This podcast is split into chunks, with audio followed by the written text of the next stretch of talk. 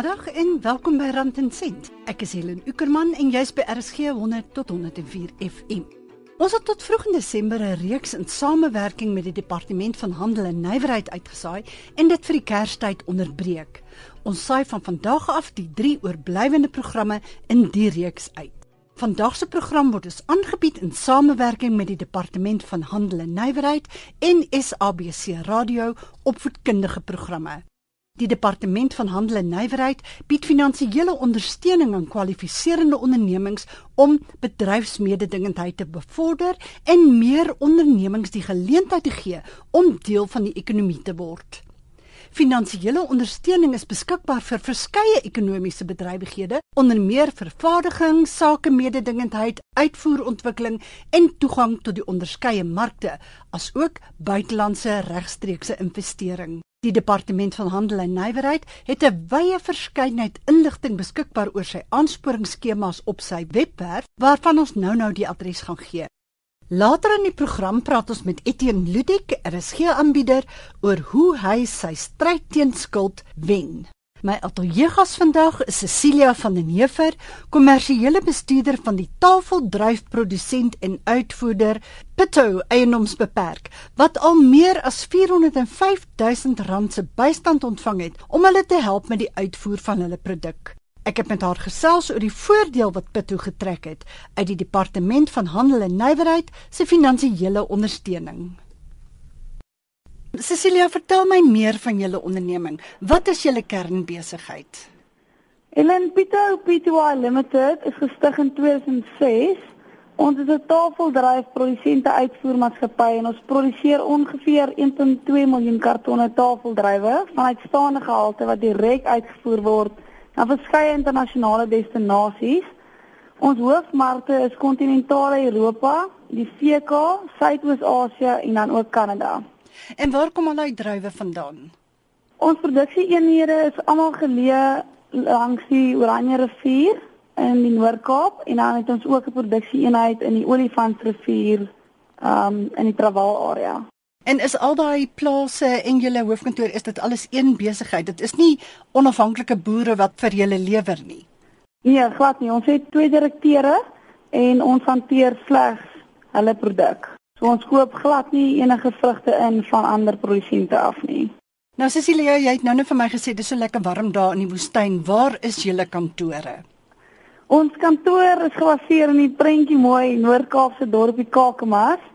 Ons ehm um, ja, en dan soos ek jou gesê het, is ons produksieeenhede dan in die Oranje rivier en dan ook in die Olifantsrivier. Hoe het julle te hore gekom van die aansporingsprogramme van die Departement van Handel en Nywerheid?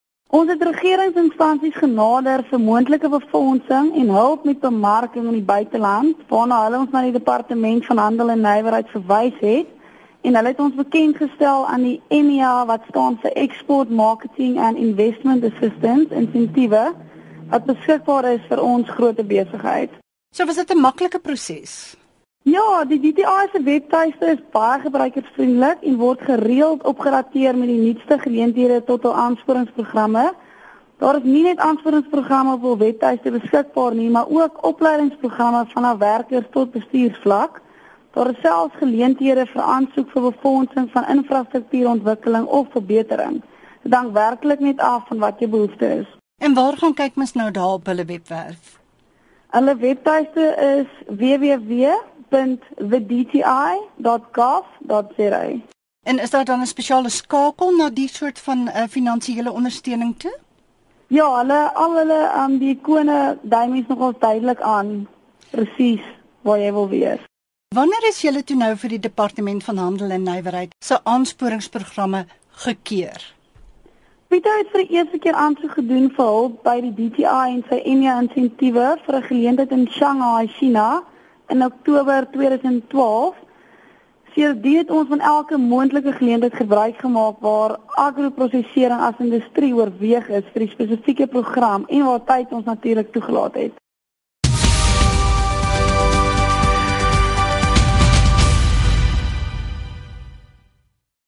Jy luister na Rand en Sent met Helen op RSG 100 tot 104 FM en ons ateljee gas vandag is Cecilia van den Heever, kommersiële bestuurder van Pitou, 'n maatskappy in Kakamas wat druiwe uitvoer na die buiteland met die hulp van die Departement van Handel en Nywerheid se finansiële aansporingsprogramme. Jy kan hierdie program aflaai in MP3 formaat van RSG se webtuiste rsg.co.za. As jy weer wil luister of as jy dalk laat ingeskakel het, Aan die einde van die program gaan ons alle kontakbesonderhede gee wat nodig is om kontak te maak met Pitto en met die departement van handel en nywerheid. Cecilia, kom ons gesels verder. Hoe lank het dit toe geneem voordat jy as onderneming kon sien jy begin nou voordeel trek uit die aansporings? Hoe het dit alles gewerk?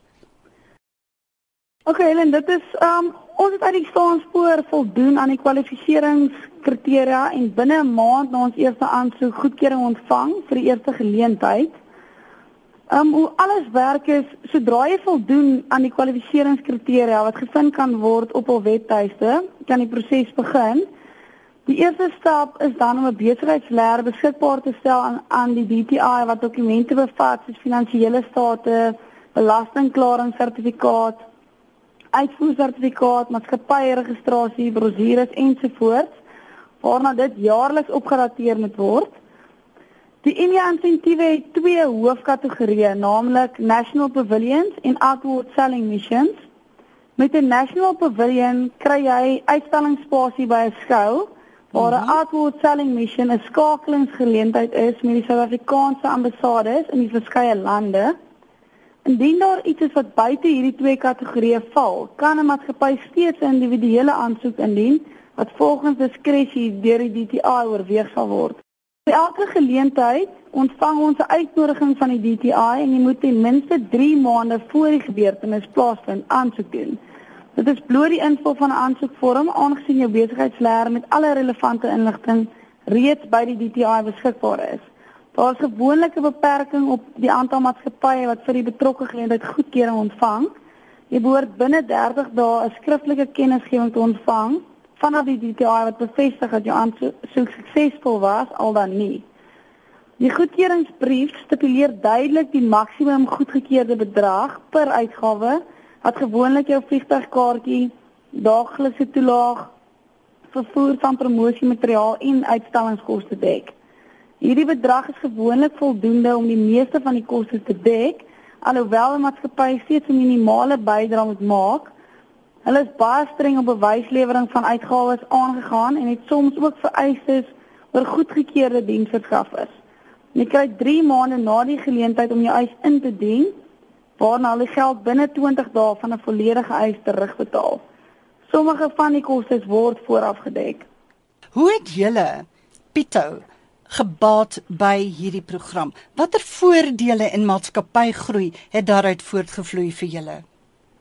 Die EMI-insentiewe moet ek sê het ons besigheid help groei na ander vlak. Ons het voor 2012 baie staat gemaak op e-pos en telefoonkontak met potensiële kopers in die buiteland. Ons het net nie die fondse of genoegsame kennis of moed gehad om alleen deur die wêreld te reis nie. Maar deur die MA befondsing en reisgeleenthede is ons bekend gestel aan die handelsdepartemente in onder andere China, Thailand, Taiwan, Hong Kong, Duitsland, Poland, Nederland, Rusland, Ghana, Benin en die VSA. Ons het regeringshoofde in van hierdie lande ontmoet en het geleenthede gehad vir besigheid tot besigheid afsprake met invoerders en supermarkte. En nou hoeveel van al hierdie lande voer julle nou uit? Na almal. Na al daai lande toe. Ja. Dit klink vir my na baie drywe jong. Nee, vir ons doen 1.2 miljoen kartonne.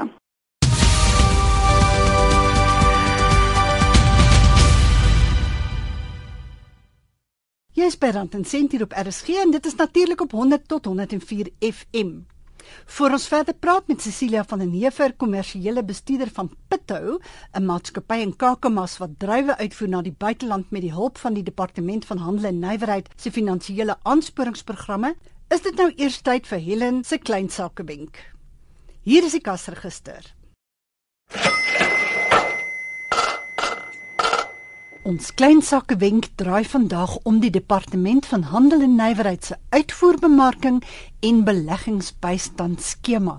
In kort, EMEA. EMEA ontwikkel uitvoermarkte vir Suid-Afrikaanse produkte en dienste en lok daardeur nuwe buitelandse regstreekse belegging na Suid-Afrika. EMEA het verskeie doelwitte. Die skema verskaf bemarkingsbystand vir die ontwikkeling van nuwe uitvoermarkte en die uitbou van bestaande uitvoermarkte. Daar word bystand verskaf met die navorsing om nuwe uitvoermarkte te identifiseer. Die skema help ook maatskappye met die registrasie van patente, kwaliteitsmerke en produkmerke. Dit help om die bydrae van ondernemings in swart besit en klein en medium sakeondernemings tot die Suid-Afrikaanse ekonomie te vergroot. Kom ons kyk gou na 'n paar van die voordele wat EMEA bied. Die program help ondernemings om hulle produkte en dienste in die buiteland bekend te stel by handelskoue deur hulle finansiëel te ondersteun. Daardie ondersteuning sluit in die vervoer van monsters, die huur van uitstalspasie, die oprig van stalletjies, gelde vir tolke, internetverbindings, telefooninstallasies, 'n daaglikse persoonlike toelaag, 'n retourvliegkaartjie na die bestemming en uitstalgelde tot 'n maksimum van R45000. EMI help ook met die primêre marknavorsing en regstreekse buitelandse investering. Uitvoerders word vergoed vir koste wat hulle aangegaan het met die werf van nuwe regstreekse investering in hulle persoonlike hoedanigheid deur kontak te maak met moontlike beleggers in die buiteland. Vir hierdie doel dra die departement van handel en nywerheid ook by tot die retourvliegkaartjies, bied 'n persoonlike daaglikse toelaag en ook die vervoer van monsters en bemarkingsmateriaal. Laastens kyk ons na wie in aanmerking kom vir die uitvoerbemarking en beleggingsbystand skema. Suid-Afrikaanse vervaardigers en uitvoerders, Suid-Afrikaanse uitvoerhandelshuise en kommissieagente wat minstens 3 klein of middelslag sakeondernemings in die hande van swart eienaars verteenwoordig en Suid-Afrikaanse uitvoerrade en bedryfsverenigings wat minstens 5 Suid-Afrikaanse entiteite verteenwoordig. Vir meer inligting gaan kyk gerus op die Departement van Handel en Nywerheid se webtuiste by thedti.gov.za. Dit is thedti.gov.za. Al die ondersteuningsprogramme wat beskikbaar is, is onmiddellik sigbaar op die departement se tuisblad.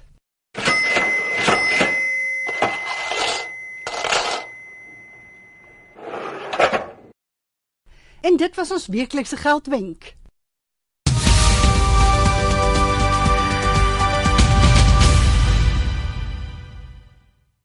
Jy's by Rand en Sent met Helen op RSG. As jy met my wil kontak maak per e-pos, stuur dit asseblief na helen.uecka@gmail.com of jy kan 'n SMS stuur na ons ateljeelyn by 3343 en dit is R1.50 per SMS. Ons gesels nou verder met Cecilia van den Heever, kommersiële bestuurder van Pittou, en dit is 'n maatskappy in Kakamas wat druiwe uitvoer na die buiteland met die hulp van die Departement van Handel en Nywerheid se finansiële aansporingsprogramme. Vandat die Departement van Handel en Nywerheid nou finansiële bystand begin uh, bied het, het julle personeel baie uitgebrei? In die Pittou kantoor is ons drie bemarkingsdames wat voldoende is vir die grootte van die besigheid. Maar belangriker is dat deur die geleenthede wat die DTA ons gebied het, kan ons help om sekuriteit te bied vir werk aan die 1800 werknemers op die plase. Een van die plase is ook 'n suksesvolle BEE plaas wat gedeeltelik aan die werknemer behoort. En wat is julle toekomsplanne? Waar sien julle julleself oor 2 of 5 jaar? Pieter sal graag sy markte wil diversifiseer en nismarkte ontgin. Die Afrika kontinent veral het baie ontginningspotensiaal en ons hoop om 'n paar goeie vennootskappe in die toekoms ook hier te vestig. Die tra die tradisionele markte kan maklik oorverskaf word soos in die pas afgelope seisoen en dit het baie lae inkomste tot gevolg vir die produsente. Ons hoop dus om in die komende jaar weer deel te neem aan die DTI geleenthede om ons te help om die doelwitte te bereik. Dit sal ons weer help om die, ons produksie uit te brei en werk te verskaf aan nog mense.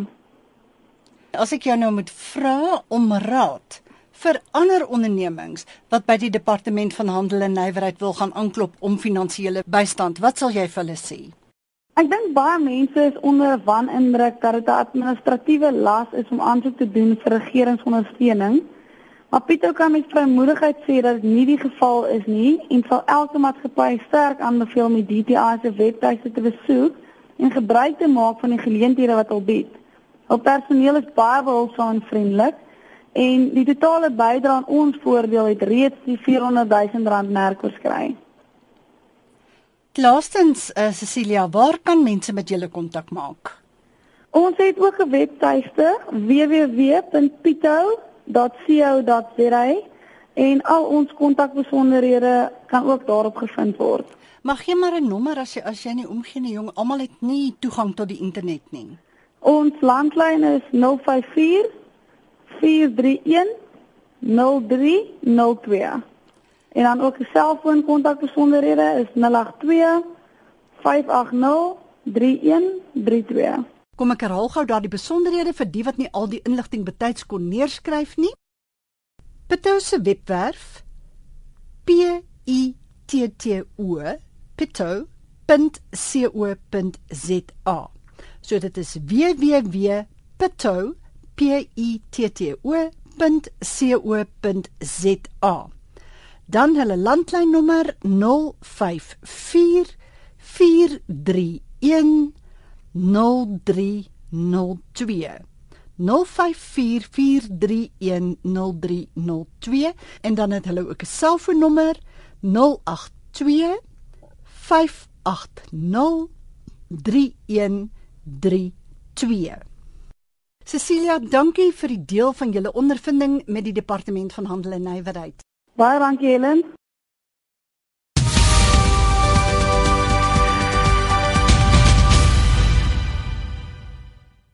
Nou praat ons met een van RSG se gewildste aanbieders, Etienne Ludik, wat 'n besluit geneem het om hom los te wikkel uit sy skuldlas. Middag Etienne. Hallo Helen. Etienne jong, ek dink ons kan hierdie 'n finansiële goeie nuus storie noem. Hoe het dit gebeur dat jy skielik agtergekom het jou skuldlas is net te groot? Wie as as jy op 'n punt kom waar jy aan die einde van die maand na jou salarisstrokie kyk en jy begin besef dat jy weet meer as die helfte van jou salaris in my geval meer as 60% van 'n ou se salaris uh gaan aan skuld en uitgawes, ehm um, jy weet dan begin jy bietjie kop krap en dan begin jy teruggaan na jou hoërskool wiskunde toe en weet ek het al veel keer op lig gesê dat ek is nie wiskundig die die beste aangelê nie. Ehm um, jy weet so dit raak nog moeiliker veral vir ouers soos ek wat nie wiskundig ehm um, jy weet aangelees nie. Maar maar dan begin jy sit en somme maak en probeer uitvind waar jy nou eintlik oor die tou getrap ehm um, dat jy weet soveel van van jou salaris eintlik aan aan afbetalings en aan aan debietorders en en al daai tipe dinge spandeer en dan begin jy eintlik sien waar jy in strikke getrap het en waar jy nie in strikke moes trap nie. En en dit was uh, in Engels sê hulle dit was 'n eye opener geweest as jy as jy regtig gaan kyk en jy trek 'n balansstaat op wat ek in my lewe omtrent nog nooit gedoen het nie. En jy gaan sit en kyk waar jou aftrekkings alles is. Dan is dit eintlik 'n ek wil eintlik sê 'n skok vir die gestel geweest. En ehm um, jy weet ek ek het daadwerklik sê dat dat iets gedoen moet word want jy weet so kan 'n ou nie aangaan nie. Die koste van van 'n ou se leefstyl gaan op, petrol gaan op, kos gaan op, al daai goederes gaan op en weet as as jou skuld bly op daai 50 60% dan dan gaan jy omtrent nêrens kom met dit wat jy op die einde van die maand moet sit. Toe jy nou daai staat opstel, wat het jou die meeste geskok? Die onnodige skuld, uh, wil ek eintlik by sê. Ehm um, ek ek wil eintlik sê dis hier is dis te maklik om om iets soos 'n klere rekening te gaan oopmaak. Ja, dis baie gerieflik. Jy gaan jy gee kaart, hulle trek hom deur die masjien, jy loop met jou hemp en jou broek by die winkel uit en dan 'n paar maande later kom jy agter al daai hemp en daai broek het jou eintlik net 20-30% meer gekos as wat dit jou moes gekos het. So die onnodige skuld was vir my die eye opener gewees. En dit is iets wat ek besef het ek regtig aan moet werk. En ek het met 'n paar mense ook gepraat wat my gesê het, weet, hulle klere skuld staan op 3-4000 rand 'n maand. En as 'n ou daai skuld totaal al wegvat, jy dan sit jy met 3-4000 rand se kontante in jou bankrekening wat jy iets mee kan doen behalwe skuld afbetaal. Watter stappe het jy toe gedoen om jouself en jou gesin uit daardie knyptang uit te kry? Nou, ek moet sê regtig baie goeie finansiële advies. Ek begin kyk wat is my kleinste skuld en ek het begin ekstra geld daarin pomp. En wat gebeur het is jy skaap gewoon daaraan om sonder daai kom ons sê R250 weg te kom. So toe daai klein skuld klaar is, het daai R250 na die volgende skuld op die lys toe gegaan. So in plaas van dat 'n ou byvoorbeeld moet sê R500 op skuld nommer 5 op die lys betaal, betaal jy net R750 en jy betaal dit vinniger klaar. Jy jy stoomroller basies jou skuld. Ek moet sê dis die beste advies wat ek in my lewe gekry het. Ek's nog nie heeltemal daar nie, moet ek by sê, maar ek is baie goed op pad boontoe na die groter skuld toe en al daai skuld waarmee ek gewoond was om sonder te leef, die R200, die R300, jy weet al daai skuld tel op na kom ons sê 1000, 1500, dalk selfs R2000. 'n Ou is klaar gewoond om sonder daai geld klaar te. So as jy dit net oorsit na jou volgende skuld, dan betaal jy jou skuld soveel vinniger af en jy soveel vinniger los van ek wil eintlik sê 'n ewel in die samelewing. So wat jy nou eintlik vir my sê is jy het een skuldrekening, kom ons noem dit nou maar so, afbetaal en dan het jy daai R500 sê net maar net eenvoudig op 'n ander rekening begin afbetaal wat ook R500 was en toe daai een afbetaal het toe jy R1000 los en toe betaal jy dit ja. op 'n derde rekening af. Ja, kom ons sê jou jou tweede grootste skuld was R500 gewees al klaar en, en jy het nog 8 maande oor op daai rekening teen R500 per maand. As jy addisioneel R250, R300 per maand bysit dan verminder jy daai 8 maande periode ewe skielik na 6 maande, 5 maande, selfs dalk 4 maande toe as jy gelukkig is. Ehm dis sien jy R500 per maand ekstra bysit. So jy halveer basies jou eie skuld en ek ek moet die die groot les wat ek hieruit geleer het is om twee keer te dink want soos vroeër gesê dis gans nou te maklik die maatskappy SMS of hulle bel jou en sê hoor jy is 'n hoë kredietlimiet toegestaan jy is nie middel van iets sê okay ja dis dis reg gee vir my daai daai hoë kredietlimiet die duiweltjie in jou agterkop sê vir jou hoër kredietlimiet beteken jy gaan uh, 'n uh, beter skuldprofiel hê. En voor jy kon kry is daai uh, is, is kom ons sê daai klere rekening is is volgekoop. Hier dan sit jy met 8900 rand se skuld per maand wat totaal onnodig was uh, waar as jy al daai skuld nie gemaak het nie, het jy in elk geval gesit met 4000 rand per maand, 5000 rand per maand in party mense se gevalle en jy kon daai klere kontant gaan koop wat eintlik die ideaal is, maar ek sê dis dis gans nou al te maklik om net in daai skuldstryk te trap. En ek dink jy weet ek ek is een van vele mense wat in daai skuldstryk getrap het en ehm um, weet op op 'n vryskut begroting wat elke jaar verander. Dis dis op en af een jaar verdien jy dit, die ander ander jaar verdien jy dit. Is dit eintlik 'n baie waaghalsige ding om te doen is is om meer skuld en meer skuld te maak want jy weet nie wat volgende jaar gaan gebeur nie. Vertel maar vir jou gemoedstoestand want om te veel skuld te hê en te min geld om dit terug te betaal is baie baie spanningsvol. Voel jy beter nou dat jy al baie van jou skuld afbetaal het? Wie ek ek begin definitief beter voel. Um ek is definitief rustiger oor veral die einde van die maand. Jy weet hier teen die tweede van die maand as jy jou selfoon begin beep en jy weer eens aftrekkings en jy weer eens onnodige aftrekkings dan dan dit het nogal 'n uitwerking op 'n ou se gemoedstoestand en dit is baie moeilik om positief te bly as jy die hele tyd na strik is. En ek moet ek ek het myself te blameer gehad om die hele tyd na strik te wees want ja die selfoon se beep gaan af 'n week later as ek terug in die winkel. Hoekom? Want daar's sommer 'n ek wil koop maar koop hom op rekening want ek het nie noodwendig die kontant in my rekening om te koop nie aan trap ek maar weer in die strik vandat ek myself begin dissiplineer het in terme van wat ek spandeer en hoe ek spandeer ek slaap rustiger, ek is rustiger by die huis, ek is rustiger by die werk. Ek is definitief baie rustiger oor dit wat aan die einde van die maand met my selfoon gaan gebeur. Het jy spesifieke planne om van nou af jou skuldvlakke laag te hou? O ja, definitief. Ek het eintlik in die week het ek 'n oproep gekry van iemand wat vir my gesê het, "O, ons sien jy betaal jou ehm um, jou rekening hulle religiously. So ons het besluit om vir jou hoër krediete mee te gee. My onmiddellike antwoord was nee, dankie, ek stel nie belang nie en ehm um, ek het eintlik teen die einde van van hierdie week het ek 'n finansiële beplanner gaan sien. Juis omdat ek weet dat oor 'n sekere paar maande as sekere doelwitte bereik is, dan behoort ek 'n sekere hoeveelheid kontant te hê wat ek nie gehad het die afgelope 12 maande nie En met daardie kontant weet gaan ek belê in in goed soos my aftrede, my kinders se onderwys wat nog moet kom. My oudste word nou 6 jaar oud, my jongste is 2 jaar oud. So oor 12 jaar moet ons begin kyk na moontlik goed soos universiteit of verdere studies. Ehm um, so daai addisionele geld gaan ek nou begin belê ten goede van my familie en uh, tot 'n negatiewe vir my familie nie. Het jy enige raad aan mense wat nog in die skuldstruk is?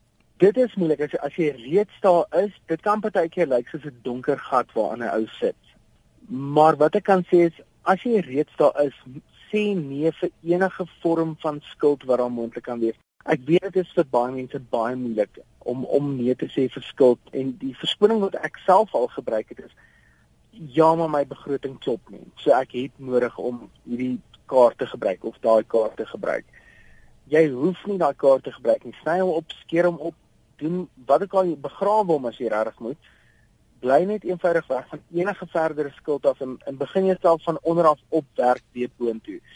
Stel vir jouself doelwitte en werk tot daai doelwitte en nie ek wil eintlik sê dit is amper soos om op te rook. Uh jy weet jy, jy, jy sê vir jouself ek gaan nie vandag rook nie en dan dan rook jy een sigaret. Dit is presies dieselfde met krediet. Jy sê ek gaan nie vandag krediet aangaan nie en dan gaan jy winkel toe en jy gaan koop iets. Dit is presies dieselfde effek. Jy moet dieselfde tipe dissipline handhaaf wat as 'n ou wat ophou rook om jou krediet uit te kanselleer en te kan nee sê vir krediet. In, in die moderne samelewing, veral die kontantlose samelewing omtrent waarin ons leef, is dit gans en al te maklik om net eenvoudig op krediet te koop en sê ja, ek bekommer my aan die einde van die maand oor hierdie 7 of 800 rand wat ek nou spandeer het.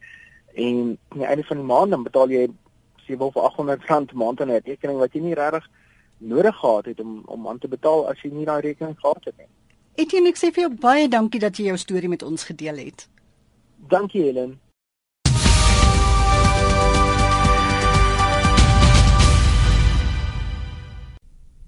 Uitsending van Rand en Sent is aangebied in samewerking met die Departement van Handel en Nywerheid en SABC Radio opvoedkundige programme. Ons verryk jou gees en jou lewe. Ons ateljeegaste was Cecilia van den Heever, kommersiële bestuurder van Pitou, 'n maatskappy in Kakamas wat druiwe produseer en uitvoer na die buiteland met die hulp van die Departement van Handel en Nywerheid se finansiële aansporingsprogramme en natuurlik ons eie Etienne Ludik RSG omroeper. Volgende Sondag om 12:30 maak ons weer so. Ek is Helen Ukerman. Ek wens julle 'n heerlike Sondagmiddag toe.